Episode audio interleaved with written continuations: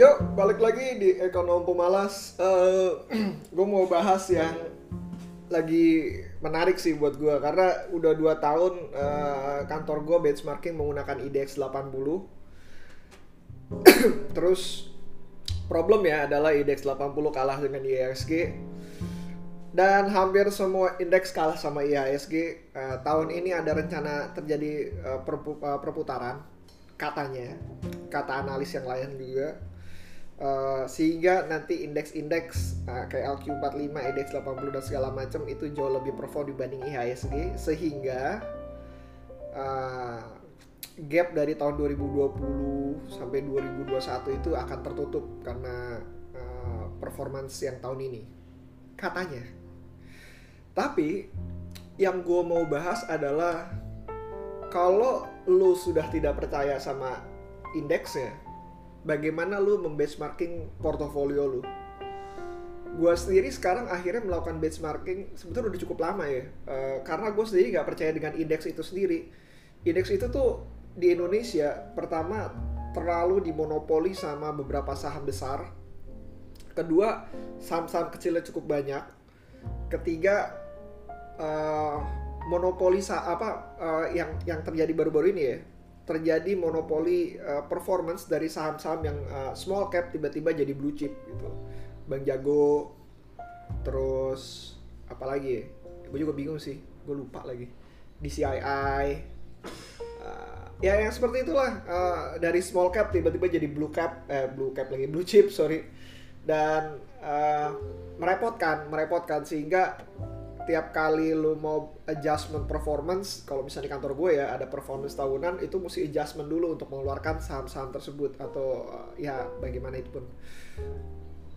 Uh, gue sendiri udah cukup lama gue melakukan benchmarking terhadap uh, beberapa emiten saja. Jadi gue nggak uh, mereka nggak gue inin ya nggak gue nggak gue average. Tapi ya gue tembak satu emiten aja yang menurut gue kalau misalkan lu pegang 100% masuk ke duitnya dia, apa yang akan terjadi di akhir tahun? Emiten-emiten ini menurut gua uh, apa ya? nggak nggak perlu banyak mikir lah. Nggak perlu banyak mikir, masuk ke sana, lu menghasilkan keuntungan gitu.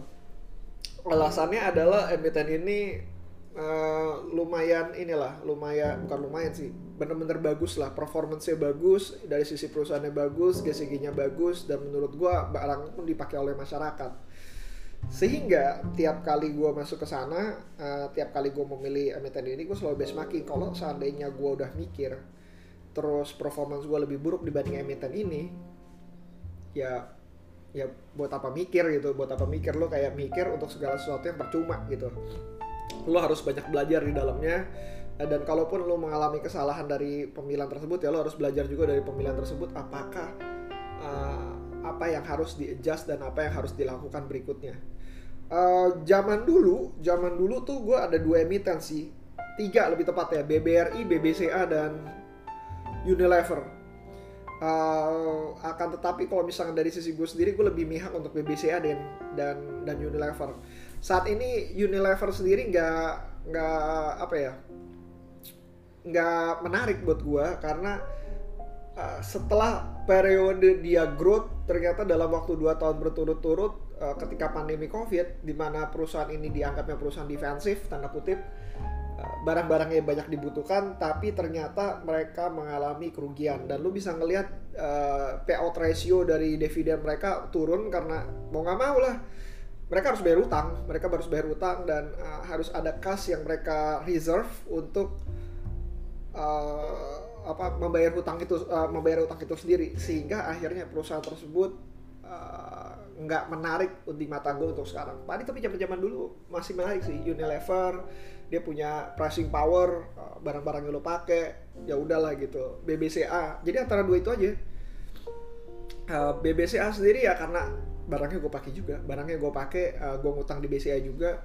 Uh, happy lah gue dengan BCA gitu. Dengan dengan segala bentuk pengalamannya. Sehingga company-nya juga gue gue suka juga. Problem dari dua perusahaan ini adalah perusahaan ini terlalu besar. Dan gue ngerasa um, apa ya kalau seandainya gue masuk ke per, dua perusahaan ini ya gue nggak optimal. Gue harus mencari saham-saham yang bisa lebih baik dibanding dua perusahaan yang gue harapkan ini gitu. Jadi benchmarking gue terhadap dua perusahaan ini. Kalau misalkan berdasarkan IHSG ya lima tahun terakhir walaupun dalam kondisi gue rugi udah pasti gue lebih untung dibanding IHSG sih. Gue yakin banget I I'm very very sure of it lah.